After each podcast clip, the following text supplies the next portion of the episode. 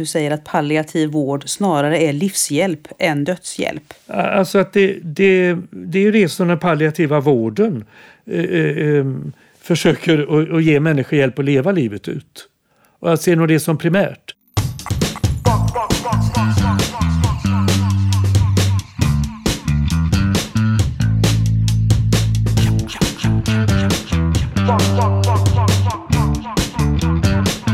Välkommen till Akademiliv, podden som görs av oss kommunikatörer vid Salgrenska akademin som är den medicinska fakulteten vid Göteborgs universitet. Idag med mig, Elin Lindström. Och med mig, Lovisa Aimer. Och idag har vi en gäst eh, som är professor i omvårdnad, sjuksköterska och dessutom föreståndare för Centrum för personcentrerad vård, GPCC, här vid Göteborgs universitet. Välkommen till podden Joakim. Mm, tack så mycket. Ja, eh, Joakim Ullén han är ju alltså då föreståndare för eh, Centrum för personcentrerad vård. Och vi ska återkomma till det lite senare här i podden. Men vi vill börja med att prata om ditt expertområde som forskare, nämligen vård i livets slutskede, palliativ vård. Det här har ju varit ett hett ämne i media nu under coronatiden när äldre på boenden fått covid-19 och avlidit. Eh, vad tycker du om den här bilden av palliativ vård som har framträtt i media under pandemin? Ja, det som har märkts är väl särskilt rapportering om, hur, om äldreomsorg. Och äldre personer, och då har det varit att de får till exempel inget näringsdropp, de får inte syrgas utan enbart palliativ vård.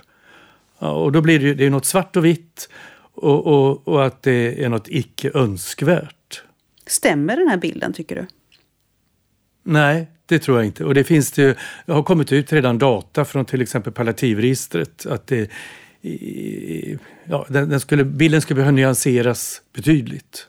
Mm de här missförstånden som, som finns om vad palliativ vård. Kan du, kan du berätta vad, vad är de vanligaste och viktigaste feltolkningarna om hur, hur den palliativa vården fungerar?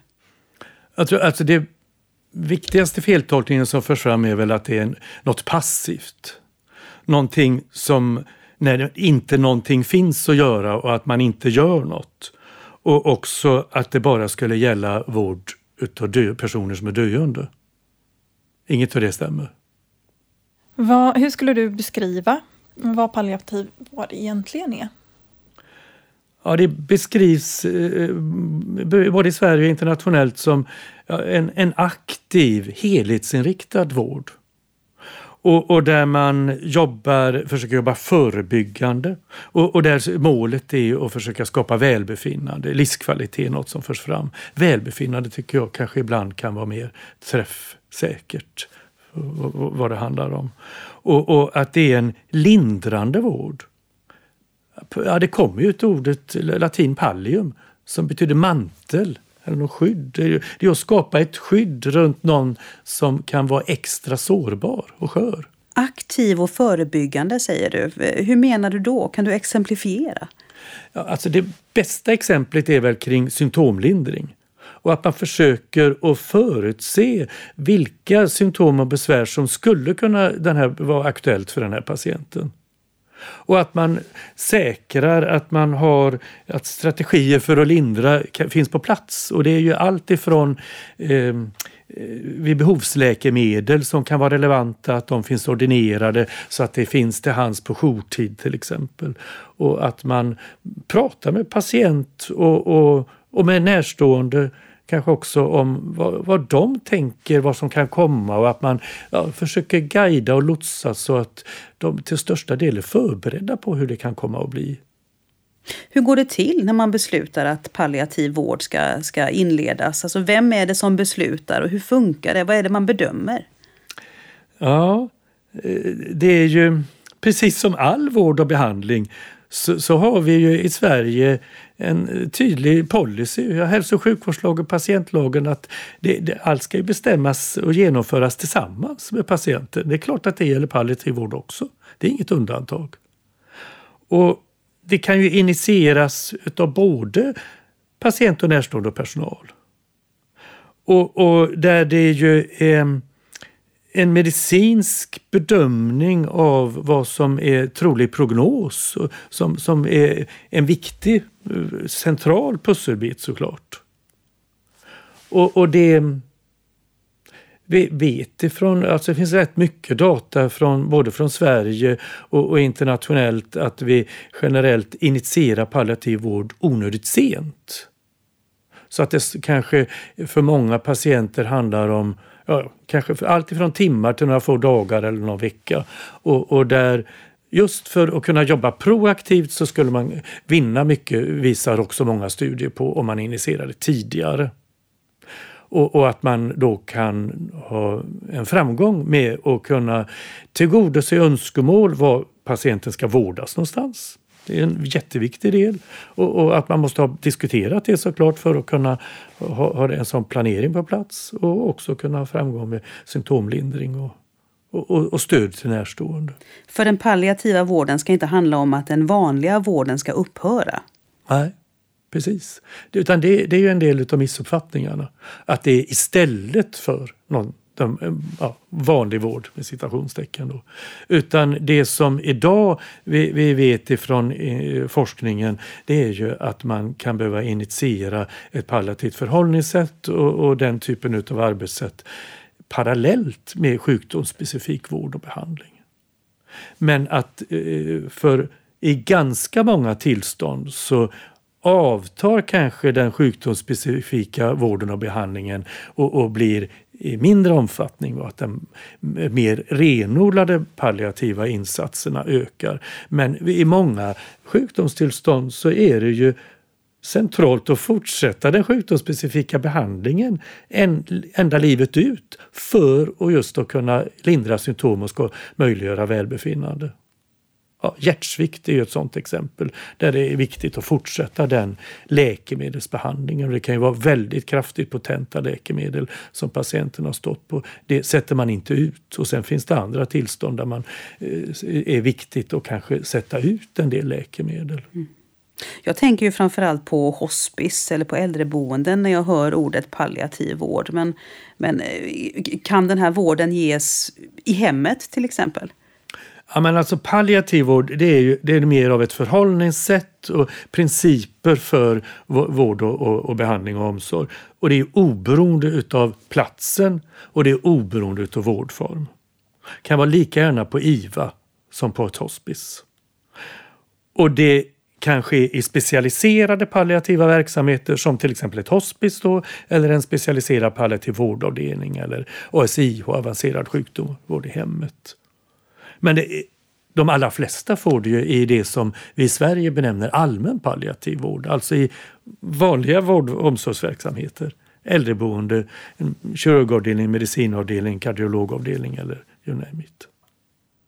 Du leder ju en forskargrupp inom palliativ vård. Kan du berätta lite om er forskning? Vad är det ni undersöker? Forskningsprogrammet eh, handlar om personcentrerad palliativ vård. Och, och, vi har ett särskilt fokus på eh, implementering och hur man alltså kan använda kunskap och arbetssätt om palliativ vård i de icke specialiserade palliativa verksamheterna. Och, och som är motiverat just eftersom vi, eh, forskningen visar att det skulle kunna hjälpa befolkningen i, i slutet på livet, tid, av livet då, om vi kan eh, införa och använda den här kunskapen lite tidigare i patienternas sjukdomsförlopp.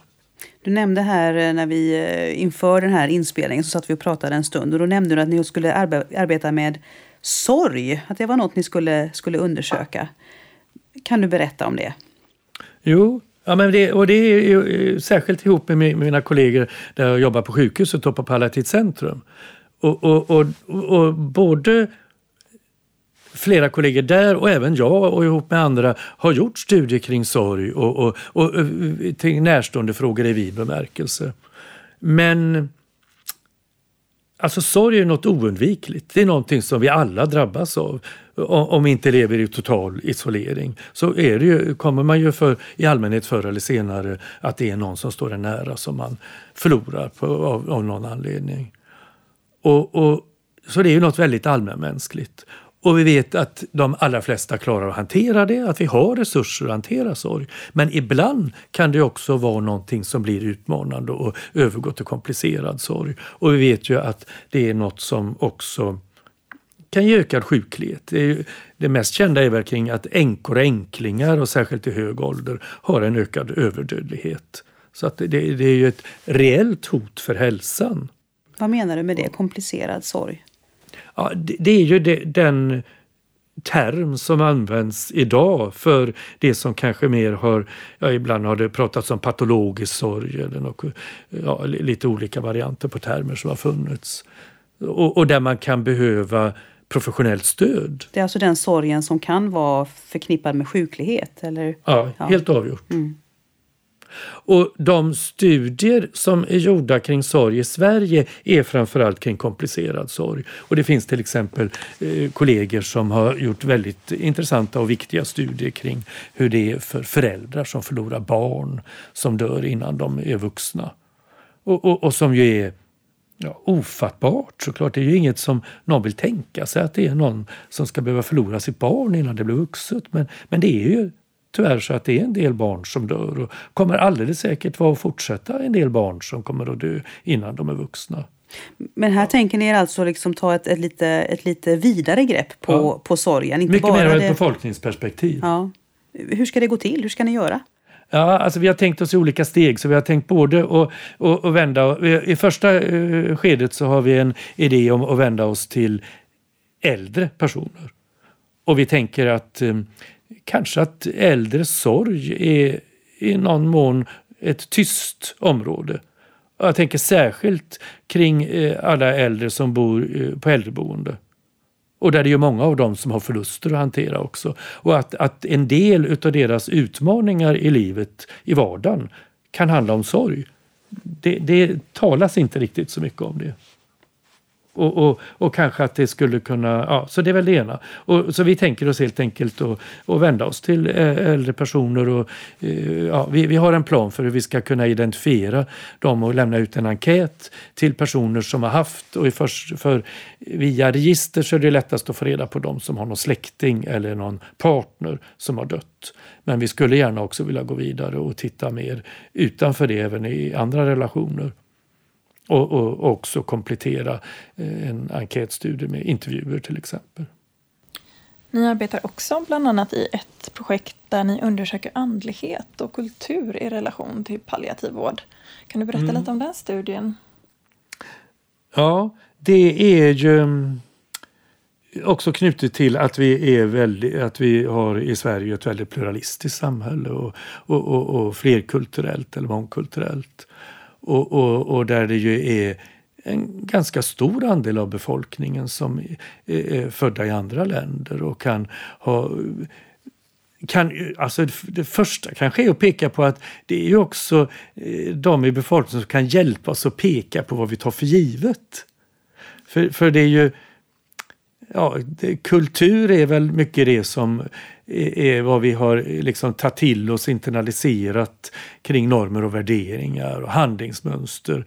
Det är ju, hjälp, det, är ju det här socialpsykologiska som hjälper att inte behöva förklara allting när man eh, ska köpa någon ny biljett eller göra någonting. Man be, ja, vi, vi, vi, vi, säger inte allting och det är ju i, i, i samband med svår sjukdom och när man behöver palliativ vård så är det ju väldigt många frågor kring självbestämmande till exempel som kan ställas på sin spets och komma i dagen om man har andra normer och värderingar knutet till det.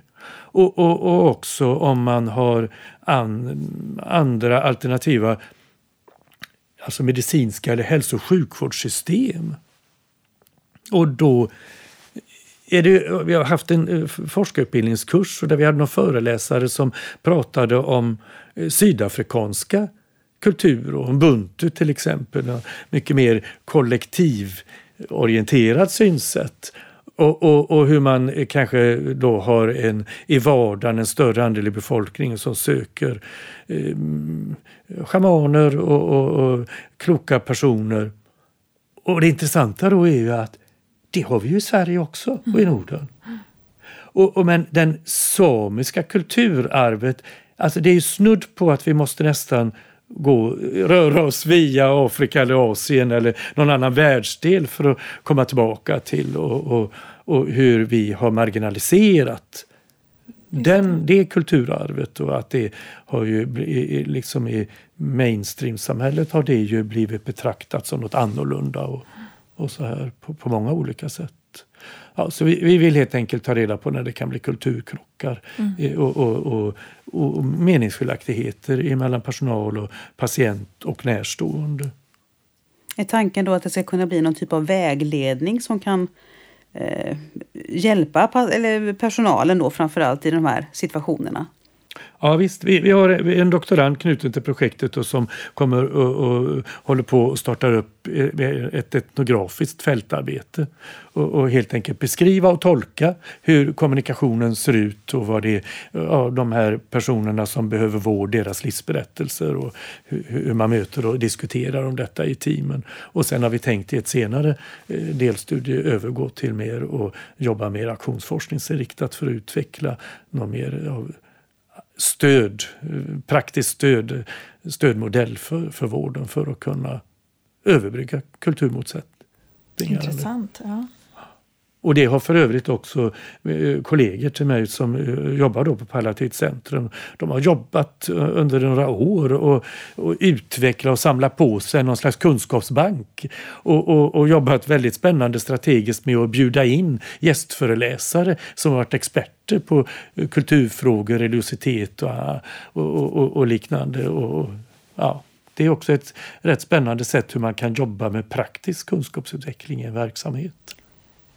En stor debatt vi har just nu här i Sverige handlar ju om dödshjälp och mm. huruvida svårt sjuka människor borde få hjälp att avsluta sina liv. Eh, och det diskuteras ju just nu bland landets politiker men är detta en debatt som du följer? Vad är din hållning? Ja, vad är min hållning? Jag tror att det första är väl att jag har respekt för att livets slut aktualiserar svåra frågor. Och, och att det är, det, det, är ju knutet till livsåskådningsfrågorna som det inte finns så själv, enkla självklara svar till. Och det, ja, innanför det palliativa fältet så finns det en tes som många för att människor tenderar att dö på ett sätt som man har levt sitt liv. Ja, och det, det, kan man igen ibland se verkar stämma. Men det finns också väldigt många som eh, eh har eh, liksom visat hur man omprioriterar vad som är viktigt. Efter att man haft en, eh, fått ett besked om en svår sjukdom eller kanske efter en tid när man har haft en, en svår sjukdom. Så det, det utmanar ju lite grann till det här med Eh, ja, ni vet att man ska ha något livstestament och, och ta ställning mitt i livet, hur man vill ha det den sista tiden i livet. Ja, det är väl bra att, att tänka igenom och fundera över det som komma skall, så att säga. Det, det, det, det, kan man enkelt välkomna. Men jag tror att det svåra är att man måste också kombinera det med att det är inte säkert att det är så jag vill ha det när jag väl är där. Mm. Och, och sen är det Alltså delvis, i, i det, det, här har ju blivit en, en ganska laddad debatt ibland.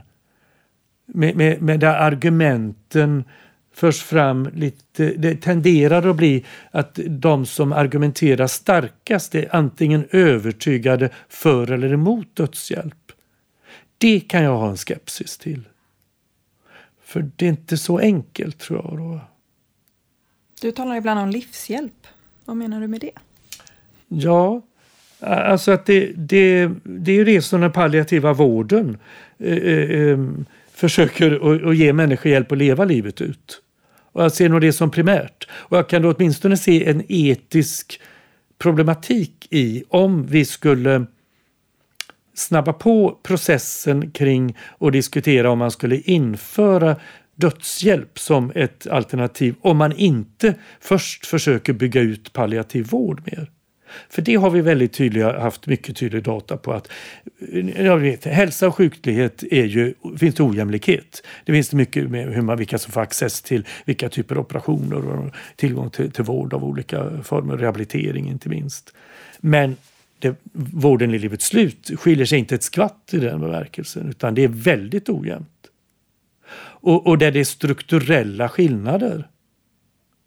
Och, och, där vi vet att det är när man frågar allmänheten mitt i livet var skulle du vilja vårdas om du blir svårt sjuk och vet att du snart kommer att dö. Då svarar, alltså det är ju över 90 procent som svarar att de skulle vilja dö hemma. Och när man tittar på hur många det är, ja det, det, är inte vanligast att dö hemma i Sverige. Utan den vanligaste platsen för död är på sjukhus. Och det är inte så långt efter, vi, vi utmärker oss internationellt med att det är en hög andel som dör på äldreboende. Och det är några no få procent lägre som dör där. Om man inte, och sen om man går till palliativregistret så ser man andra siffror men det är för att de har lägre täckningsgrad på sjukhus och högre täckningsgrad på äldreboende. Så där ser det ut som om äldreboende är vanligast. Men eget hem, det är sådär runt 20 procent i Sverige som dör. Så vi har gigantisk för att kunna förverkliga det som människor ser ut och önskar sig. Men sen är det ju en del av dem som önskat sig att få dö hemma som inte vill det den sista tiden. För att man ändrar, man omprövar det där vad som skulle kunna vara viktigt. Man kanske upplever det som att det här är alldeles för hög anspänning och stress på familjen. Nu, nu, vill inte jag vara hemma längre. Eller att familjen sviktar och inte klarar av det. Det är väldigt spännande det här tycker jag att du, att du säger att palliativ vård snarare är livshjälp än dödshjälp. Um, um, jag, jag tänker på det här med nu under, under pandemin och hur den palliativa vården har lyfts fram i media som vi pratade om tidigare. Um, och där man liksom pekar på att det inte fungerar och anhöriga som känner sig maktlösa och sånt där. Jag funderar på när den här pandemin har dämpats eller dragit förbi. Mm. Eh, tror du att vi skulle kunna få en, en annan diskussion om, om den palliativa vården? Hur, mm, tror du att det här kan gynna den palliativa vården i det långa loppet? Ja, men det skulle det kunna göra. Och jag, och jag tänker att eh, pandemin reser väl frågor om hållbarhet på många olika plan i samhället. Och, och, och att eh, en, alltså de här tidskritiska situationerna som man får när, man, när det kommer för många patienter helt enkelt till akutmottagningen till exempel. Fler än vad som är möjligt att ta emot. Då, då har, man, har kollegor talat, då, de som jobbar i akutfältet har jag fattat pratar om negativ triagering. Triagering är hur man försöker göra en snabb bedömning för att prioritera vilka behöver hjälp omedelbart, vilka kan vänta lite och vilka skulle kunna vänta en längre tid. Så att man inte missar några av de som är mest allvarligt sjuka. Och, och nu handlar det alltså att den negativa triageringen är väl då det här att vilka är det som inte ska erbjudas en viss behandling? Och, och, det är ju det där som skapar mycket av en etisk stress för oss som personal. För vi vill, vi vill kunna erbjuda det bästa för varje patient som passar den personen. Men de här perspektiven om palliativ vård och att man väger på vad sätt skulle en viss insats kunna påverka patientens välbefinnande på både kort och lång sikt? Och, och, och, att man väger in mer aktivt vad är det för trolig prognos som den här patienten har. Ja, då skulle det kunna bli mer av en också en, en positiv triagering i den bemärkelsen. Att man blir triagerad till en mer aktiv palliativ vård. Och då är det inte det dåliga alternativet utan det snarare kan vara det bättre alternativet. Det, på, det, det finns ju en, en, del data som visar att det, den äldre personer som har varit vårdats, vi har haft flera tillfällen, alltså de äldre äldre, över 85 år, som har vårdats flera gånger på sjukhus inom loppet av 6 eller 12 månader. De har i allmänhet en ganska kort överlev återstående överlevnadstid. Och, och den här diskussionen på äldreboende, att alla på äldreboende som blir covid-sjuka, skulle, som om det vore att alla ska komma till sjukhus. Alltså det, det har jag väldigt svårt att begripa. För i Sverige så har vi en medelboendetid på äldreboenden som är väldigt, väldigt kort. Så i genomsnittet har jag en, en, en förväntad överlevnadstid som är under ett år. Om man, särskilt om man räknar bort dem som har demensdiagnoser. Och, och på, I storstäderna så handlar det snarast om månader som en ganska stor andel bor kvar på, på äldreboende. Och de är sköra, det är multisjuka äldre. Där de många av dem, men inte alla och inte i alla lägen, behöver inte sjukhusets resurser. Så den bedömningen måste ju göras. Och då vet vi att de sköraste multisjuka äldre som kommer in till sjukhus, de riskerar för att få, att få vårdskador. Och den vanligaste vårdskadan för dem tror jag, det är ju förvirring. Då kan de inte vara med i självbestämmandet och, och, och planera och säga något hur man ska ha det. Och sen löper de också risk för de, uh, infektioner. Som man, det, det, är en infektionsrisk att hamna på sjukhus också. Så mycket av den här debatten som har varit i media tycker jag har varit väldigt onyanserad. Intressant. Mm. Vi eh, lovade i början av den här podden att vi skulle återkomma till det här med Centrum för personcentrerad vård som du är en ganska nytillträdd föreståndare för. Ja, det stämmer. Eh, firade nyligen tio år, det här mm. centrumet. I vintras. Och det här begreppet personcentrerad vård, jag tror att det börjar bli lite mer känt. Vi har ju nämnt det här flera gånger under podden. Men skulle du ändå kunna ge oss en sammanfattning av vad är kärnan i det här? Vad är personcentrerad ja. vård? Så kort du kan här, kärnfullt. Och inte bara spetta, sätta spotlighten på vad man ska göra, vad för diagnostik och behandling patient ska utan hur man ska göra det och vem är det som ska få det. Att det kommer det tydlig spotlight på också, inte istället. Och, och att man kanske driver det utifrån den här enkla frågan, förenklat men ändå en, en hyfsat bra fråga. Vad är viktigt för dig? I den här situationen nu när du har kommit hit till sjukhus till exempel eller flyttat till äldreboende. Och, och på det viset så är det en etik och, och jobba med, och som jag nämnde innan, och det är en etik i handling. Att göra någonting för någon annan och hur vi gör det. Och att planera och genomföra det tillsammans. Det är en kärna patient och personal tillsammans och närstående när, när de finns och är med. Och i en vidare bemärkelse så är det också ett korrektiv till den maktlöshet som patienten har haft i vårdens hierarkiska sfärer. Mm. Och om jag har förstått saken rätt så pågår det något av en stilla revolution eller vad man ska kalla det, alltså från det här hierarkiska eh, eh synsättet mot ett mer personcentrerat arbetssätt. Ger du mig rätt då när jag säger det? Mm, ja, kanske. Det, det beror väl på vad du menar med alltså revolution kan ju vara att liksom kasta bort och, och, och liksom bränna ner allt det som har varit en sån här radikal omvandling. Nej, det tror jag inte. Det, det, det, vill inte jag riktigt vara med om. Utan, men, men däremot, alltså det måste ju vara någonting som är förbundet med och väldigt nära att vi, vi på något vis erkänner och lovprisar de landvinningar som är gjorda kring diagnostik och behandling. Alltså allt medicinskt som, som vi faktiskt kan göra bättre och som hjälper människor att leva bättre. Det, det, det, det tror jag, för det riskerar ju en revolution skulle kunna vara att kasta bort lite för mycket då. Utan det handlar om, och jag tror mer att få ljus på vem är det som behöver vård och hur ska det genomföras och med, hur, hur kan man eh, göra det här mer tillsammans och, och bryta den hierarkiska maktordningen. För det, det, är ju inte bara att det har varit en skiktning i, mellan administration och mellan prof, den, de som har medicinsk och vårdprofession och, och, och, och, så vidare i vården. Utan i alla de hierarkiska strukturer så har ju patienten varit osynlig i botten. Så det är ju att erkänna att patienten också har en kunskap. Och, och på det viset så är det ju nå, nå, någonting som är, är, är ganska radikalt. Och jag vet, det har ju kommit eh, en lång rad studier de här tio åren som eh, GPCC har funnits. Eh, inte bara från GPCC utan från andra forskare också inom fältet förstås, som visar på att det, Eh, att det här förhållningssättet, det här arbetssättet eh, förbättrar vården på alla sätt och vis. Alltså att det blir mer effektivt och patienterna behöver inte ligga inne lika länge. Patienterna blir mer nöjda. Ehm, eh, vårdkostnaden, vårdtiden sjunker. Ehm, det här att man nu håller på att försöka implementera detta. Alltså SKR, eh, Sveriges kommuner och regioner, har ju mm. antagit det här förhållningssättet ja, och beslutat att de ska arbeta på det här sättet.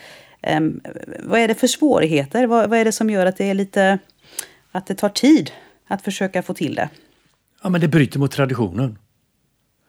För, för det, det har ju funnits en tradition att ha både liksom en hierarkisk organisation och att vi i Sverige har haft en sjukhuscentrerad hälso och sjukvård. Och, och det är ju det som idag finns på den politiska agendan att vi behöver ändra. Jag menar, tänker på utredningen God och nära vård som lades i ett betänkande ytterligare nu i, i våras. Och, och, det är ju att staka ut riktningen åt ett helt annat håll. Det har vi prövat tidigare. Det var på 90-talet pratade man om primärvård och hälsofrämjande som skulle vara framtiden och det kommer att bli... Och, och, och det var ja, mycket tal runt det. Men in, det blev ingen handling. I så fall hade vi redan löst den här frågan. Så, och det tror jag är väl det var det ju många och även vi som i de här remissvaren till just deras betänkande från God och nära vård som instämde i, i, i så gott som alltihop av det de lägger fram som förslag. Men kanske att de i någon mån är lite tandlösa. Det måste till någonting skarpare så att man som driver på förändringen lite tydligare. Är det något som ni kan göra från Centrum för personcentrerad vård? Alltså vi, vi la till i forskningsprogrammet och startade forskning kring implementering utav eh, personcentrerad vård för, kan det ha varit, tre, fyra år sedan. Och, och det, det, var, då var jag inte med i styrgruppen, jag var inte föreståndare. Så det var innan mig. Jag tror att det är en tre, fyra år. Och, och det är ju en del som vi stärker i vårt forskningsprogram snarast nu. Då, både med hjälp av hur man kan jobba med pedagogiska mm, arbetssätt med utbildning och, och implementering, men också organisation och ledning. Och, och det, alltså vi, det, jag, vi har kollegor på centrumet som har varit med så att det faktiskt kom till stånd en europeisk standard som anger en standard för minimikrav för patientens delaktighet i personcentrerad vård. Och den standarden spänner ifrån ja, mötet mellan patient och personal och också till organisationsnivån men också till mer samhällsnivån med vad det finns för policy och, och, och regelverk kring det. Och alltså de tre nivåerna måste ju på något vis gå i harmoni och det tror jag är viktigt för fortsättningen. Och, och, och kanske att vi, ja, vi, har, vi har ju med hälso och sjukvårdslagen, patientlagen har vi ju mycket av synsättet på att patientens självbestämmande och, och att patienten måste vara, vara, eh, central i beslut om vård och behandling. Där har vi en riktning och, och någon slags vilje, vilja som pekas ut och har gjort sen hälso och sjukvårdslagen kom 82 tror jag. Men det, alltså pratar man med patientföreträdare och patientföreningar så säger de att det där räcker inte. Vi behöver mer av, av verktyg och då tror jag att kanske att eh, ja, alla tre nivåerna men inte minst den mittersta hur man ska organisera och den patientnära organisationen, alltså den verksamhetsnära organisationen, hur kan den stödja personcentrering? Det har diskuterats i, att vi, vi är unika i Sverige och har många bra kvalitetsregister där vi följer upp och kan då följa upp på befolkningsnivå hur, hur, hur det går efter olika ja, plastikoperationer, man får ny höftplastik till exempel, eller ja, alla möjliga tillstånd, även i palliativ vård av ett kvalitetsregister. Och, och där idag driver man ju på för att få att patienters självrapporterade data ska med. Men jag tror det är ganska ovanligt att patienter har varit med och gett synpunkter på vilka frågor är det de ska svara på. Alltså hur pass relevanta, säkra att det där har en relevans ur patientens perspektiv och för patientens syn på vad som är viktigt i vården. Och, och det får ju återverkningar på alla tre nivåerna. Ja, ett exempel baserat på din eh, erfarenhet och eh, hur dina tankar går kring det här med personcentreringen i Sverige. Hur, hur lång tid tror du vi liksom kan ha framför oss innan den här processen har nått någon typ av mål. Nu är det ju svårt att säga var mållinjen går naturligtvis, men, men, men eh, innan man kan säga att svensk hälso och sjukvård är personcentrerad. Ja, ja det är du. Är jag spågubbe tror du? jag, jag tror, jag vågar mig inte på att gissa det, men, men det är ju Inom många sätt är det en väldigt kraftig förändring som har skett under min yrkesverksamma tid. Och jag var nyutbildad sjuksköterska 1981. Och, och då, då fanns det ju kvar de, även om det var omdiskuterat och fattades beslut i den vevan om att stänga de gamla, gamla tidens mentalsjukhus, psykiatriska sjukhus, långvårdskliniker och, och liknande. Det var totala institutioner i mångt och mycket där allmänheten hade ingen insyn. I, i den bemärkelsen har det skett en jättestor utveckling på 40 år. Och, och så, eh, jag menar, och mycket av vår samhällsutveckling tenderar ju att gå snabbare. Så tänker man så, så kanske att det, det, kan hända någonting minst lika kraftfullt på 10-20 år framöver som det har skett på 40 år nu. Jag vet inte. Jag passar på den frågan, tror jag mer. För den som är intresserad av att höra mer om personcentrerad vård så har ju Akademiliv gjort två avsnitt tidigare eh, om eh, det här ämnet. Dels med Inger Ekman som var föreståndare för GPCC före Joakim och ett annat avsnitt med Erik Karlström om vårdorganisation ur ett personcentrerat perspektiv. Eh, Joakim Mullén, vi vill tacka dig så jättemycket för att du var med i podden. Och tack till dig som lyssnar. Eh, om du vill kontakta oss kan du mejla akademiliv.gu.se. Hej då! Hej då! Hej då, tack för idag.